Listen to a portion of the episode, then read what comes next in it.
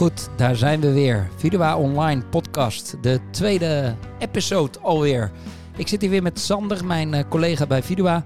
En de Vidua Veilig Online podcast, die gaan we uh, ja, vandaag in het teken zetten van gekwalificeerd ondertekenen. Of nou, elektronische handtekeningen met een nadruk op gekwalificeerd.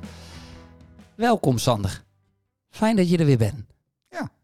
Ja, eh, onze podcast is goed ontvangen. Uh, ik heb veel reacties van mensen die ik het niet verwachtte. Uh, dan post je zoiets op LinkedIn en nou, een paar honderd keer uh, al geluisterd. En ja, dat vind ik dan toch bizar dat gewoon een paar honderd mensen ergens in de auto rijden en ons horen. Ja, dat valt alleszins mee. Dat valt alleszins mee. En ze vonden dat jij een mooie podcaststem had. Ze vonden hem wel een beetje lang. Hadden we stiekem ook wel verwacht. Het was ook een beetje lang. Het was te lang, hè? het was te lang, Sander. Dus we doen het nu korter. Ja? En krachtiger. En krachtiger. En we nemen gewoon één thema, namelijk de uh, gekwalificeerde elektronische handtekening. Of elektronische handtekening. Maar toch, uh, voordat we daarop instarten, een heel klein blokje.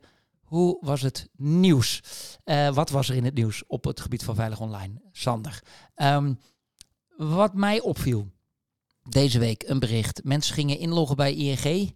En uh, kregen iemand anders rekeningsgegevens uh, te zien. Wat, wat vind jij daarvan? Ja, niet alle mensen toch? Ik kreeg uh, helaas gewoon mijn eigen rekeninggegevens te zien. Ik hoorde niet bij de vijf bij wie dat gebeurd schijnt te zijn. Ja, want dat is, dat is nu de status quo, hè, over wat we weten. Dat er vijf mensen dat hebben gehad. Ja, dat las ik. Hm. en, en als je dan gaat inloggen... Um, uh, ING gaf heel duidelijk aan, het lag niet aan het uh, identificatie van het gezicht. Hè, dus daar zat het probleem niet. Het probleem zat ergens anders.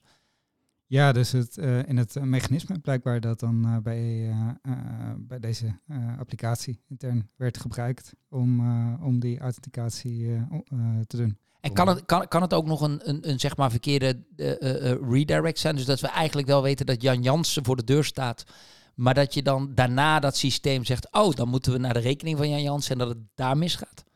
Ik denk iets in die richting, ja. Dus uh, de identiteitsverificatie oorspronkelijk ja. prima zijn gegaan. Uh, want het klonk van wat ik kon, uh, kon lezen als mensen die eerder gewoon bij een eigen rekening uitkwamen als ze ja. inlogden. Maar ja, dan na die inlog, die ook goed zal zijn gegaan, zijn ze op de een of andere manier even aan het verkeerde account gekoppeld geweest. Ja, dus dat, dat maakt het ook zo complex. Het is vaak een keten, een samenspel. Ik weet nog uh, mijn tijd lang geleden dat ik met de overheid veel dingen deed. En had je, had je DigiD en dan was er op een gegeven moment ook bij gemeentes een vergelijkbaar iets, uh, iets, iets gebeurd. En dan moest DigiD, werd dan, hè, DigiD is onveilig, maar eigenlijk was uh, het stuk daarachter uh, niet goed. en, en ja, maar dan toch staat er dan in de krant DigiD faalt. Dus ehm, dat, dat, ja, dat is uh, uh, hoe, hoe complex het is. Uh, er stond iets wat mij opviel um, over melden. Hè. Er, stond, er is geen melding bij de AFM um, bekend. Waarom zou je dit melden? Ja, je kan het om meerdere redenen moeten melden. Dus eentje is vertrouwelijkheid. Nou, die is hier wel duidelijk. Dus er zijn persoonsgegevens van andere klanten te zien geweest aan, voor deze klanten. dus zoiets meld je typisch bij AP, autoriteit persoonsgegevens. En AFM, ik weet niet precies hoe dat qua wetgeving zit, uh, maar ik kan me voorstellen als er iets met integriteit misgaat. Dus de ene persoon gaat, kan opeens een transactie bevestigen namens de andere persoon. Ja, dan heb je een financieel probleem, want iemand gaat terugbetaald moeten worden. Ja, ja precies. En uh, afhankelijk van de impact en dergelijke, meld je zoiets. Wij, wij, hebben zelf als Qualified Service Provider ook een meldplicht. Nou, iedereen weet dat als je complexe systemen bouwt, dat het af en toe eens mis kan gaan. Dus uh, bij ons is dat melden eigenlijk best streng geregeld. Hè. Dat, dat zit ook in de, in, uh, in, de, in de wetgeving EIDAS en ook in de NIS 2 wordt daar nog apart naar verwezen. Um, dat je als Qualified Service Provider, wij moeten vrij snel uh, toch aangeven uh, bij, een, bij de, in ons geval de RDI. ik ga niet zeggen waar ze voor staan, maar dat doe ik altijd fout. Maar de RDI moeten wij melden als toezichthouder dat, dat wij een incident hebben gehad. en ook een incident van deze aard zouden wij ook, ook melden. Um, dan bestaat er ook nog zoiets als responsible disclosure. Wat, wat is dat? Oeh, daar zouden we een uh, aflevering op zich weer aan kunnen wijden. Gaan we doen, maar nu heel kort. Heel kort is responsible disclosure wat je typisch hoopt wat er gebeurt als een uh, hacker een lek vindt in een systeem. Dan hoop je dat hij dat aan de maker of de, de provider van dat systeem uh, in eerste instantie meldt. En niet aan de rest van de wereld. Dus, dus, dus, maar een hacker, het kan ook gewoon een. Uh, dus, dus ik dacht dat het, dat het ging over dat je na zo'n incident ging melden van wat er allemaal gebeurd was. Maar dat is meer een postmortem-achtige... Ja, dat is eerder de meldplicht naar de toezichthouder. Of, of naar het publiek, toch? Zou ook publiek, kunnen. precies, ja. Transparant over. Maar jij, eh, dus, dus responsible disclosure gaat over dat, dat je komt achter... Je hoeft geen hacker te zijn, maar je komt achter een fout in het systeem. En in plaats van daar misbruik van te gaan maken, ga je het melden. Ja, ja dus je zou kunnen zeggen dat, uh, dat dat hier in, uh, in een vorm wel heeft plaatsgevonden. Want uh, een van die mensen die geraakt uh, werden, die heeft dat netjes vastgelegd en direct bij de ING gemeld. Ah, niet, ja. niet eerst bij anderen. Oh, en die is niet gaan proberen om geld over te maken, misschien naar zijn eigen rekening. Dat is in ieder geval wat, ik, wat ik las. Ja, ja want wat, wij, wij gaan natuurlijk vanuit beroepsdeformatie meteen doordenken. Er stond, ja, ik kon ook gegevens wijzigen. Nou, de vraag is, hoe gevaarlijk is dat? Welke gegevens zijn dat dan? Feitelijk, hè, als, je als, als het een gelegenheidsfout is in de zin van je bent op gelegenheid, word je in één keer geconfronteerd met iemand anders rekening. Ja, dat, is, dat klinkt gek, maar voor fraude is dat niet, niet meteen heel uh, uh, het allerbedreigendste. Uh, omdat je uh, op dat moment, ja, je kan wel geld naar een rekening over gaan maken, maar dat is best wel herleidbaar hè, als je naar je eigen rekening overmaakt. De vraag is ook of dat kon, daar las ik nu niks van, denk het niet. Um, wat wij in het verleden ik wel in systemen heb gezien, wat ik wel interessant vind, is. Kijk, als je zo'n opdracht geeft voor dan geldtransactie of zo, eigenlijk wil je dat ook gaan ondertekenen. En uh, het is heel mooi als dat een ondertekening op zichzelf is. Waarom? Um, uh, dus verleiding voor een, de, ontwikkelaar is natuurlijk groot om te denken: oh, hier kan alleen Jan Jansen in zijn. Dus als die vervolgens op een knop duwt en het bevestigt, ja, dan geloof ik wel dat het Jan Jansen was. Het ging maar alleen nog om de bevestiging. Ik laat hem door. Nou, dat, dat wil je eigenlijk niet. Want stel, er gebeurt dan zoiets. Hè, je first line of defense, uh, er kwam toch iemand anders binnen dan Jan Jansen. Dan kun je op basis van die, die handtekening uh, die erbij zit uh, checken. hey, is dit inderdaad nog steeds Jan Jansen? En als dat zo is, mag ik geld overmaken. En anders doe ik dat niet. Hè? Dus ik kan niet verder in dat systeem uh, komen. Ja, zie je typisch ook al bij, uh, bij de banken natuurlijk. Elke keer als je een transactie wil bevestigen, moet je opnieuw jezelf kenbaar maken met je pincode. Of met je Face ID of wat dan ook. Uh, dus dan wordt er eigenlijk weer een nieuwe authenticatie gedaan om te kijken of jij het nog steeds bent. Ja, en, en het, wat ik zeg hè, is, uh, het is goed dat ze daar goed over na hebben gedacht. Want er zijn natuurlijk systemen, uh, jij bent ze misschien ook wel eens tegengekomen, dat de ontwikkelaar dan wel het ene controleerde, maar van het andere maar al gemakshalve aannam. Uh, en dan kun je bij een foutje, wat hier waarschijnlijk aan het geval is, in één keer een veel grotere impact hebben. Ja, of een foutje, of als uh, je je laptop open laat staan en iemand anders komt erbij en je hebt je Facebook nog open staan en iemand kan daar dan uh, uh, in jouw ingelogde sessie nog nieuwe dingen posten. Dat, Precies. dus, dus, dus dit is eigenlijk al afgedicht natuurlijk om, om dit risico te vermijden. Ja, voor de, aan de ene kant dus met die, met die extra authenticatie die nog een keertje gebeurt. Dus je moet nog een keer je pincode invoeren of je gezicht laten zien of wat dan ook. En voor, uh, aan de andere kant ook uh, worden die transacties ondertekend, zoals je zei. Ja. Precies. En dat brengt ons naar het hoofdonderwerp van vandaag. Het elektronisch ondertekenen. Uh, nou, ik denk dat we het blokje, hey, precies 10 minuten, we hadden gezegd 10 minuten per blokje, afsluiten met het muziekje. En dan gaan we zo weer naar het ondertekenen. Als je nou afvraagt uh, wat voor gaaf muziek hebben jullie nou tussen staan, dat is van Envy de West. Dat is van een vriendje van mij, Pim de Rene, zijn band. En uh, je kan het gewoon vinden op Spotify. En wij mogen het gebruiken. Maar we gaan dus naar het tweede uh, blokje. En we gaan het hebben over elektronisch ondertekenen. En wat zijn nou vormen van elektronisch ondertekenen die je kan, zou kunnen onderscheiden gezien de EIDAS, Sander? Dat zijn eigenlijk heel veel. Dus uh, als ik jou een e-mail stuur en ik zet eronder uh, groetjes Sander. Of uh, ik ga akkoord Sander, iets in die richting.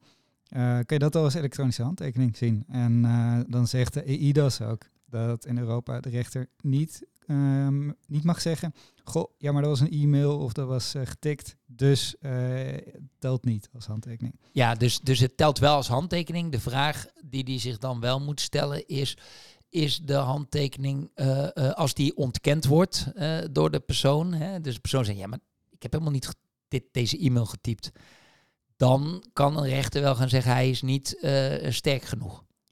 Precies, dus dan, dan, dan krijg je vervolgens hoe geavanceerd maak je hem, is hij gekwalificeerd. Want je hebt, je hebt meer vormen van handtekening. Misschien heb je wel eens een kruisje gezet als er een pakket bij je werd bezorgd. Of heb je op je pc met, met je muis geprobeerd iets te krabbelen wat op je naam lijkt, met een streep eronder of wat dan ook. Ja, dus je ziet dat, dat vaak komen en dat is dus dat is gewoon rechtsgeldig. Alleen nou, het zijn allemaal uh, elektronische handtekeningen. En wat de EDA zegt is dat de rechter in ieder geval niet mag afwijzen puur op het feit dat het elektronisch, elektronisch is. Hè? Uh, mag allerlei redenen voor twijfel hebben en daar kan je dan vervolgens over procederen. Als je dat verder wil dichttimmeren, dan moet je meer gaan standaardiseren op een manier dat uh, rechter ook direct uh, kan vaststellen, oh ja, maar dat was ook die persoon die had getekend. Ja, en, en dan heb je dus de, waar we het zo, de geavanceerde elektronische handtekening, daar worden al wat eisen aangesteld. En dan is gekwalificeerd het, het, hoogste niveau.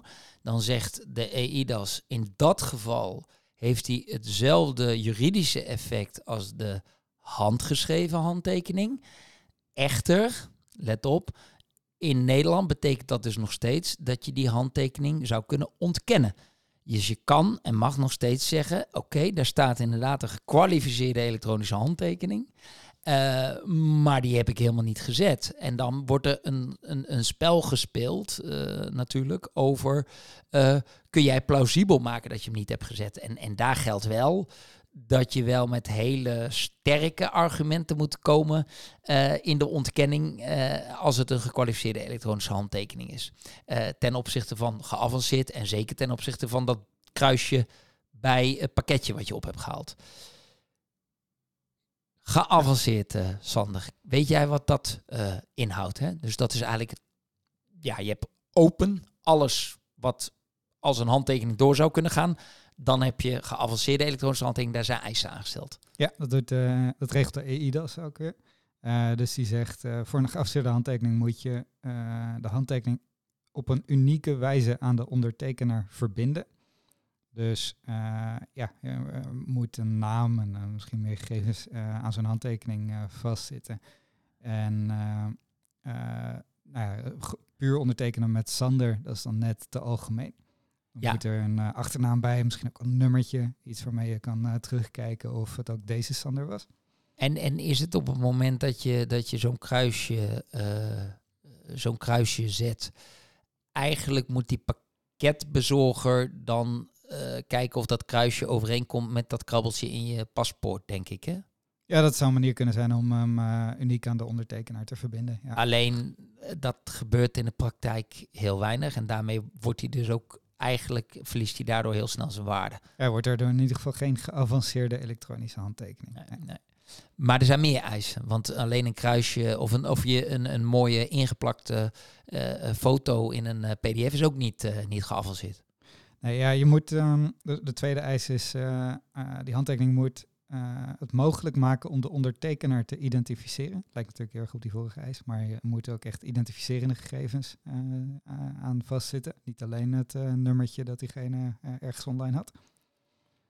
En de volgende is? Is wat langer.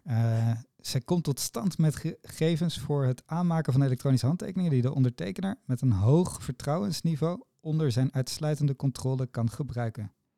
Ja, dus dat betekent dat het middel wat uitgegeven is, wel uh, uh, dat dat niet makkelijk te kraken moet zijn. Dus stel je doet dit met een, een, een pincode-app, dan lees ik hem zo dat, dat die pincode-app wel een bepaald niveau van beveiligheid heeft en dat het niet heel makkelijk is om die te copy-pasten en dan te dupliceren, zeg maar. Ja, precies.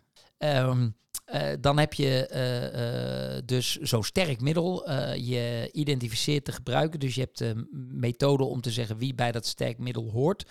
Is er dan ook nog, nog een eis over de vorm?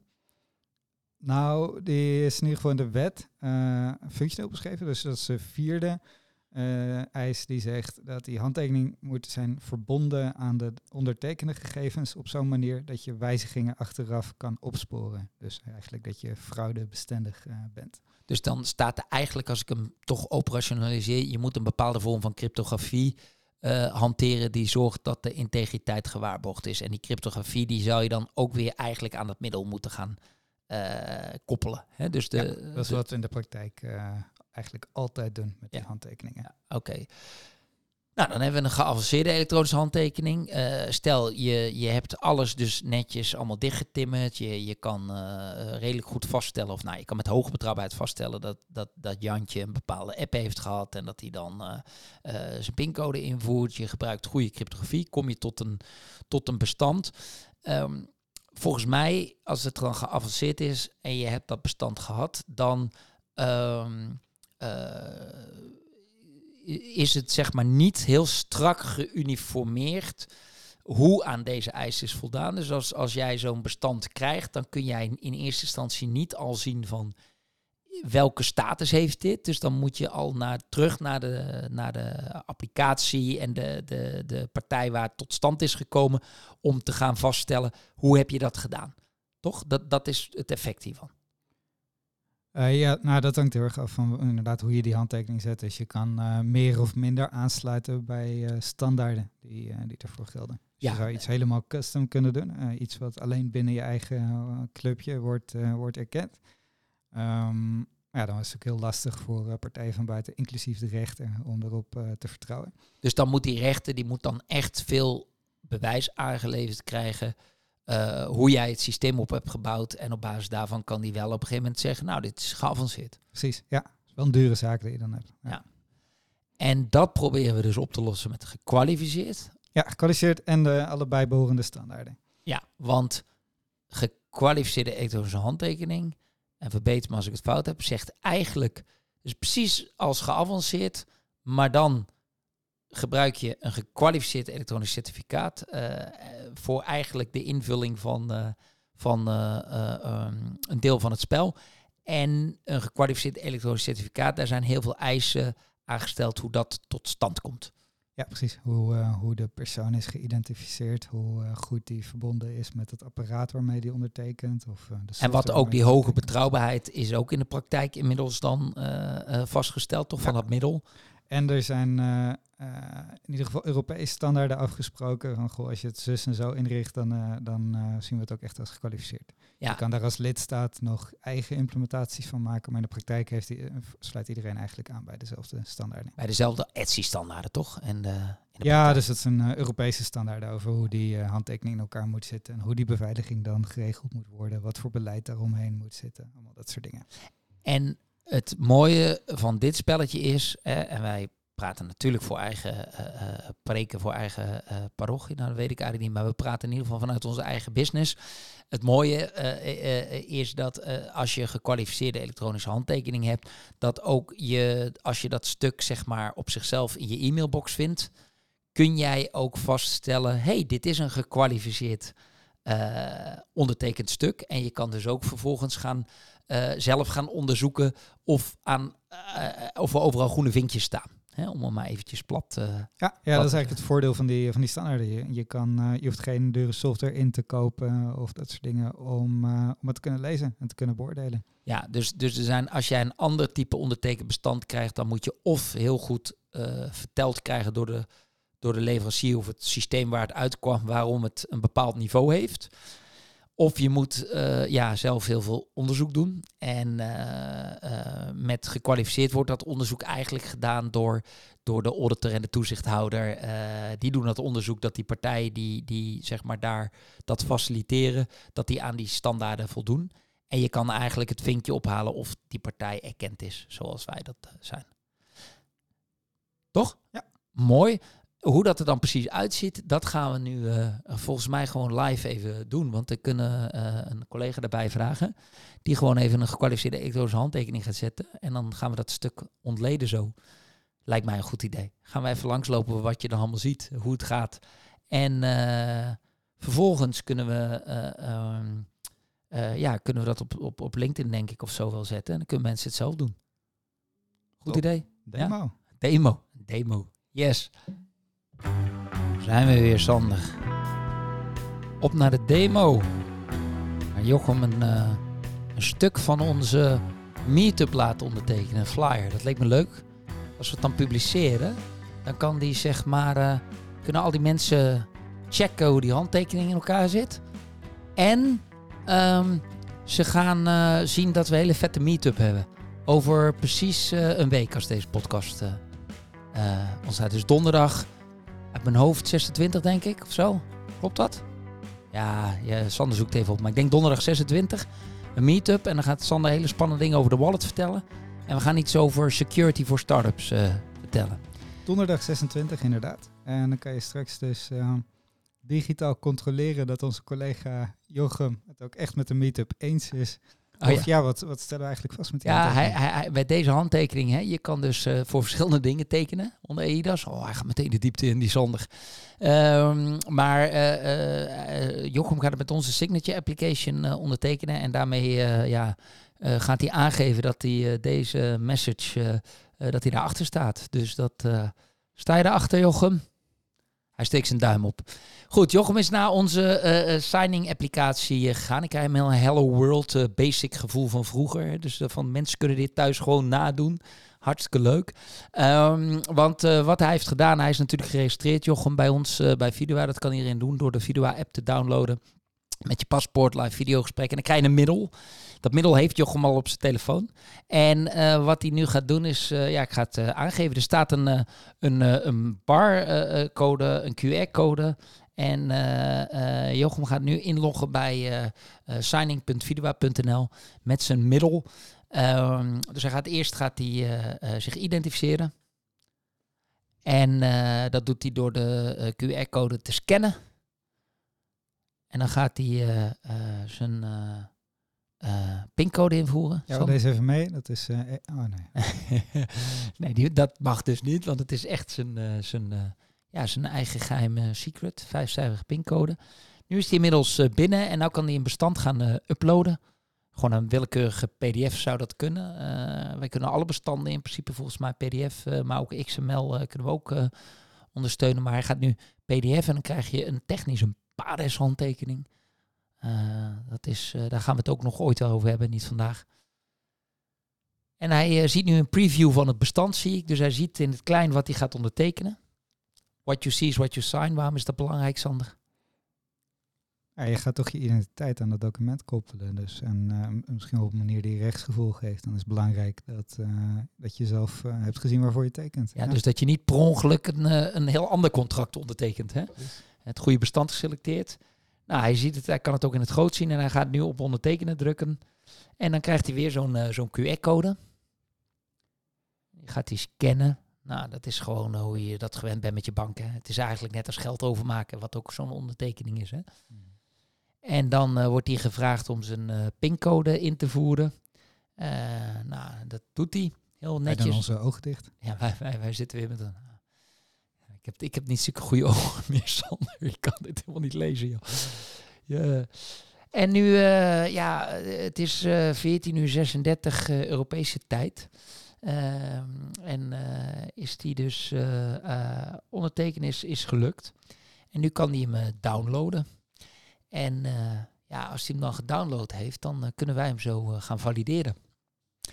Om nou nog heel even, hè, wat we nou net gezien hebben, Sander Um, what you see is what you uh, sign. Je hebt een combinatie hier van, van een telefoon en een applicatie. Um, dat is ook de reden waarom je QR-code gaat scannen.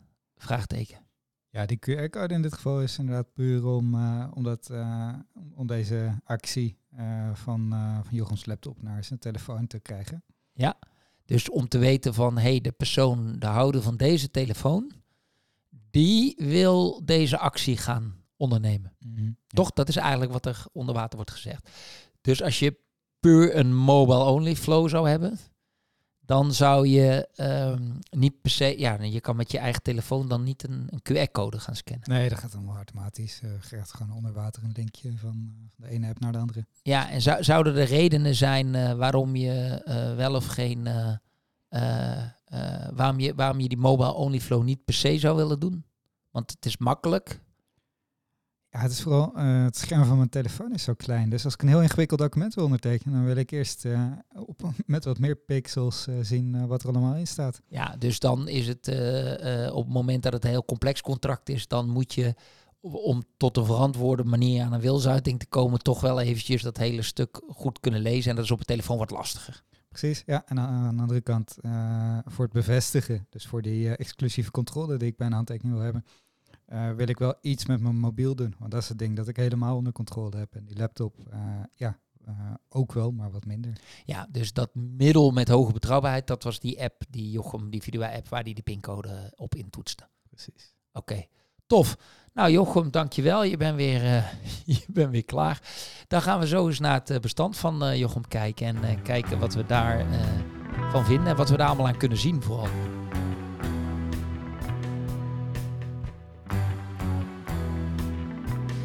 Heb nou een muziekje onder de knop. Dus ik ben hartstikke bang dat... Ja, ik ben de hele tijd dat muziekje aan het instarten. Dat het super onrustig wordt. Maar dat gaan we zo ook zelf zien bij het editen. Komt goed, toch? hey, uh, we hebben net uh, Jochem de camera uitgestuurd, want die heeft een uh, stuk ondertekend. En jij hebt het stuk inmiddels gemaild gekregen. En nou, wat opvalt aan het stuk is, wat je ziet, is natuurlijk het, de, de flyer van onze geweldige meetup. Komt allen als je geïnteresseerd bent uh, en je kan zelf Android programmeren en uh, over iOS en je wil heel graag aan een wallet werken en de gaafste die er is, kom dan uh, vooral, want dan kun je kennis maken met het team en wij met jou. maar als je heel veel wil leren over wat er sowieso gebeurt op de wallet of je wil kennis delen als con-collega's, ben je natuurlijk ook meer dan welkom. Uh, dus je ziet die meetup uh, en je ziet een schutblad of een tweede blad wat geen onderdeel maakt van de ondertekening. Dus de ondertekening ziet alleen op dat eerste deel en het tweede deel is een, uh, is een stukje toegevoegd waar gewoon netjes uitgelegd staat wat een, wat een handtekening is, gekwalificeerde elektronische handtekening en waar je hem zou kunnen valideren als je geen Adobe hebt. Dat is wat je, wat je ziet in het bestand. En Sander, jij gaat hem in Adobe openen. Ja, dus als je mijn uh, Adobe Acrobat Reader, dat is de gratis uh, applicatie, uh, opent, dan zie je precies wat Remco net zei. Dus onze mooie flyer en het schutblad. En ik zie erboven een groen vinkje. Er staat dat het document is ondertekend en dat alle handtekeningen geldig zijn. Maar kunnen wij Adobe vertrouwen, Sander?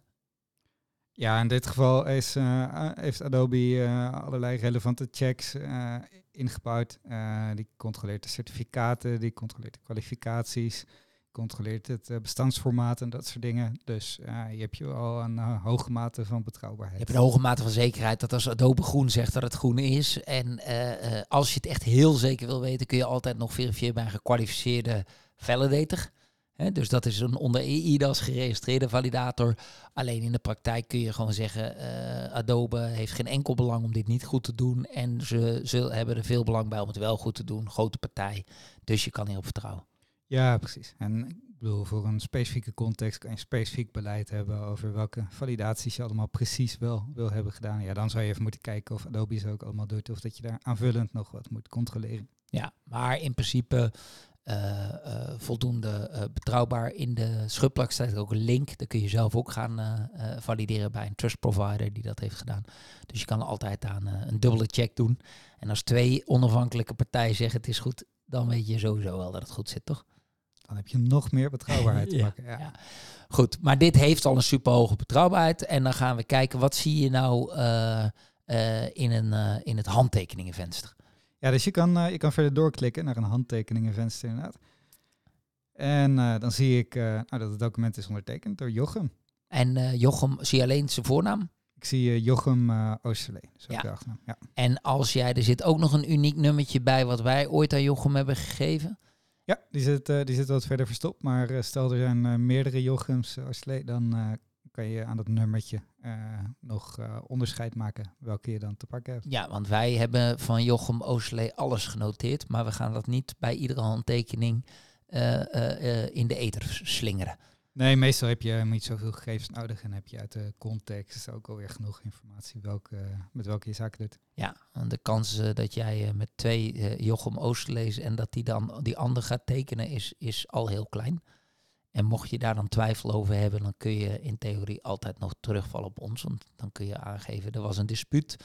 Welke Jochem Oosterlee exact hadden we hier? Nou, dat kunnen wij dan altijd vertellen. Ehm, oké, eh, staan er nog meer dingen in? Ja, er staan heel veel details in. Hoeveel tijd hebben we? Er staat in dat uh, de bron uh, van de vertrouwen, uh, vertrouwde certificaten verkregen is van de European Union Trusted Lists. Nou, dat is nogal wat. Ja, dus dat betekent dat de Europese Unie een lijst heeft waar het, wij op staan. En wij hebben dat certificaat uitgegeven uh, wat Jochem gebruikt heeft om dit te genereren. Precies, ja, dus er zit een, uh, zit een hiërarchie in en eigenlijk zegt de EU, uh, dit certificaat kan je vertrouwen. Ja, want bij ons zit, als je die hiërarchie zou je ook nog kunnen vinden, dan zit de overheid, de Nederlandse overheid er nog boven, toch? Ja, in ons geval wel, dus ja. ja. Dus wij, de Nederlandse overheid heeft een aantal partijen onder een PKO-stelsel, heet dat uh, uh, eigenlijk uh, weer ook gecertificeerd. En wij zijn ook aangemeld als Qualified Trust Service Provider in Europa. Ja, ja je ziet wel complex. Eigenlijk die Europese Unie-check hier, daar zitten staten er Nederlanden niet direct tussen. Um, niet op die manier in ieder geval. Ja, het is allemaal super genuanceerd. Ja, het is heel genuanceerd. Laten we hier niet over, over uitweiden. Het komt erop neer, we zitten in het Nederlandse stelsel en het Europese stelsel. En daar zit een uh, aanvullende trust op, omdat de Nederlandse staat uh, de, uh, ook betrokken is. Precies. Oké. Okay. Staat er meer? Er staat dat de elektronische handtekening is gekwalificeerd volgens de EU-richtlijn die daarover gaat. Dus verordening of richtlijn? De richtlijn 19-2014. Um, ja, maar dat is de verordening. Dus dat is een foutje in de dobe. Ja, dat is een verordening. Ja, ja nee, dus precies. Want je hebt ook nog de, de implementatie, uh, uh, hoe, hoe heette die richtlijnen? Nee, uh, ja, nee, dat zijn uitvoeringsbesluiten, toch? Of zo. Nou, mailtje naar Adobe. Ja, oké. Okay, maar in ieder geval, de EIDA staat genoemd. Staat er ook een vlaggetje bij? Er staat hier geen vlaggetje bij. Nee. Oké, okay, dat is jammer. Die staat verderop wel als je doorklikt. Oké, okay, als je doorklikt, dan zie je ook echt het EU. Ah, dan zie je zo'n uh, slotje. slotje. met ja. een uh, vinkje. Het EIDA slotje, heerlijk. Precies. Dus daarmee is het wel heel duidelijk bezegeld dat dit uh, valt onder die Europese wet. Verordening, verordening. Ja. ja. precies. En daar horen allerlei eigenschappen bij. De PDF is niet gewijzigd, de identiteit is geldig, de handtekening is voorzien van een ingesloten tijdstempel. Dat is een service er bovenop. Ja, want dat is wel belangrijk. Hè? Wij hebben, uh, je kan een gekwalificeerde elektronische handtekening zetten met aanvullende gekwalificeerde timestamps bijvoorbeeld of zonder Precies. gekwalificeerde ingesloten timestamps. Ja. Ja, dat is natuurlijk, als je met pen en papier uh, wat ondertekent, dan zit je vaak ook uh, op welk moment je hem ondertekent. En dan zou je bij spreken nog met een koolstofonderzoek daarna kunnen vaststellen of dat ook echt toen was. Ja, dat vind ik heel, dat is dan ook wel weer jouw engineeringsgedachte. Maar ik denk dat de tijdsbepaling met koolstof wat grof, grofere indeling hebben dan of het vandaag of gisteren was, toch Sander? Je weet in ieder geval of je in het juiste millennium zat. Doe, ja. doe, doe het niet met je koolstofonderzoek voor je uh, herroeping op, het, uh, op, op je koopcontract van je huis. Want ik denk niet dat ze daarin meegaan. Nee, dan kun je echt beter een uh, gekwalificeerde tijdstempel onder, op zo'n document zetten. Want dan heb je een uh, verklaring van een gekwalificeerde vertrouwensdienstverlener weer. Dat dat, dat document en die handtekening op dat moment en tijd in ieder geval bestond. Ja, en dat zijn zelfs gelaagd. Hè? Dus we gaan daar nu niet te diep op in, want we zouden niet te veel uitweiden. Maar, maar, maar je kan, het document bestond op een bepaald moment, kun je timestampen. Dan kun je de eerste handtekening bestond op een bepaald moment, kun je timestampen. En dan kun je dat zo zeg maar gefaseerd doorzetten. Uh, uh, waardoor je eigenlijk exact weet wie op welk moment betrokken was, wat er bestond, wat, wat, wat de tijd was, zeg maar. Precies, ja. Um, dan kunnen er ook hè, die, die, die boomstructuur, die kun je informatie over meegeven. En dan uiteindelijk kom je op een, een uh, LTV-profiel. Staat dat er ook ergens? Heb je dat ja, al staat er ook. Oké, okay, cool. Dus de handtekening is geschikt voor LTV geschikt voor long-term validation. Long-term validation. En dat is wel een punt uh, wat wel belangrijk is. Hè. Doordat wij die uh, gekwalificeerde timestamps erbij uh, gooien en die validatieinformatie van de bovenliggende roots, hè, dus die staat in Nederlanden, um, kun jij dus over zes jaar, heb jij hoge garantie dat je dan vast kan stellen of dit document geldig ondertekend was. Kun jij daar iets over uitweiden, Sander? Dus het zou kunnen dat, uh, dat Jochem morgen zegt, uh, goh, ik, ik wil dat er helemaal geen handtekeningen meer met deze pincode worden gezet. Ik kan niet certificaat intrekken, dan kunnen er geen nieuwe handtekeningen worden gemaakt. Dat, die, dat kan je ook controleren voor nieuwe handtekeningen. Maar omdat we deze geschikt hebben gemaakt voor long-term validation, kan je deze handtekening wel blijven valideren. Ja, want de, hij, kan, hij kan zeggen, hey, ik weet heel zeker dat deze handtekening bestond voor het moment dat die handtekening, uh, dat dat certificaat werd ingetrokken. Ja, precies. Dus als het heel dicht bij elkaar zou liggen, zou je daar nog over kunnen twijfelen. Maar als het een, drie weken later is, dan kun je er gewoon vanuit gaan dat, dat die... Hè, Jochem is erachter gekomen dat, uh, dat zijn, uh, zijn kinderen meegekeken met de pincode. Hij wil niet dat ze allemaal in zijn naam allerlei stukken gaan ondertekenen. Dus hij zegt, ik trek uh, dit certificaat in uh, wat hoort bij dit middel. Ja, nou en als je dan die LTV voor de hele handtekening voor elkaar wil krijgen, moet je dat ook voor alle bovenliggende autoriteiten doen. Dus bijvoorbeeld kan best zijn dat Vidua op een gegeven moment zich laat intrekken, of de huidige, het huidige certificaat laat intrekken. Dat is dus een takje hoger in de bouw. Ja, dus dat is een Cleverbase hè, uh, certificaat. Cleverbase is de organisatie, Vidua is de handelsnaam. Dat Cleverbase uh, certificaat, het zou kunnen zijn dat, dat wij op een gegeven moment naar een nieuwe generatie moeten, nieuwe cryptografie. En dan blijft, maar dan kun jij nog steeds terugvinden. hey, op dat moment was dat certificaat van Cleverbase ook geldig. Ja, precies. Oké dan de vraag, maar uh, wij moeten naar zwaardere cryptografie dan ooit misschien omdat je uh, de cryptografie niet meer veilig is. Hoe kun je dat dan blijven uh, borgen als je zeg maar zo'n stuk hebt ontvangen? Dus hoe dat dit niet gekraakt, hè, over acht jaar gekraakt wordt met die nieuwe mogelijkheden. Ja, daar heb je dan weer andere vertrouwensdiensten voor. Dat is het bewaren van handtekeningen. En wat je dan eigenlijk doet, is zo'n handtekening die je uh, nou ja, heel veilig moet hebben bewaard, uh, na een tijdje opnieuw verzegelen. Dus dat je een nieuwe ondertekening onder, um, met de op dat moment uh, verstandige technische standaarden. Ja, en dat maakt niet uit of, of jij dat doet als um, een natuurlijk persoon, of je dat met, als, als bedrijf doet, of dat je diezelfde cryptografie gebruikt zonder dat je daar een, een dat dat per se qualified is. Hè. Je zou dat ook voor jezelf of als organisatie met je archief kunnen doen, toch?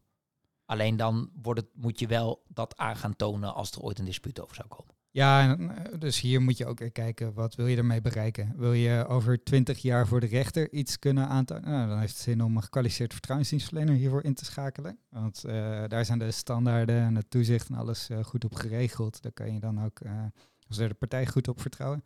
Als je het puur voor jezelf doet, Um, ja, kan je ook, uh, kan je ook zelf wat uh, in, uh, inrichten. Ja, en, en um, dit geldt wel als, als je het echt lang wil, wil bewaren. Dus bedoel, wij, wij, wij doen het nu, wij gooien nu die LTV, wij maken ze hiervoor gereed, omdat het eigenlijk niet meer zoveel meer kost om het, om het zeg maar goed te doen dan om het zonder al die waarmerken te doen. Dus, dus ook bij onze gratis applicatie zit dat LTV er tegenwoordig gewoon standaard in.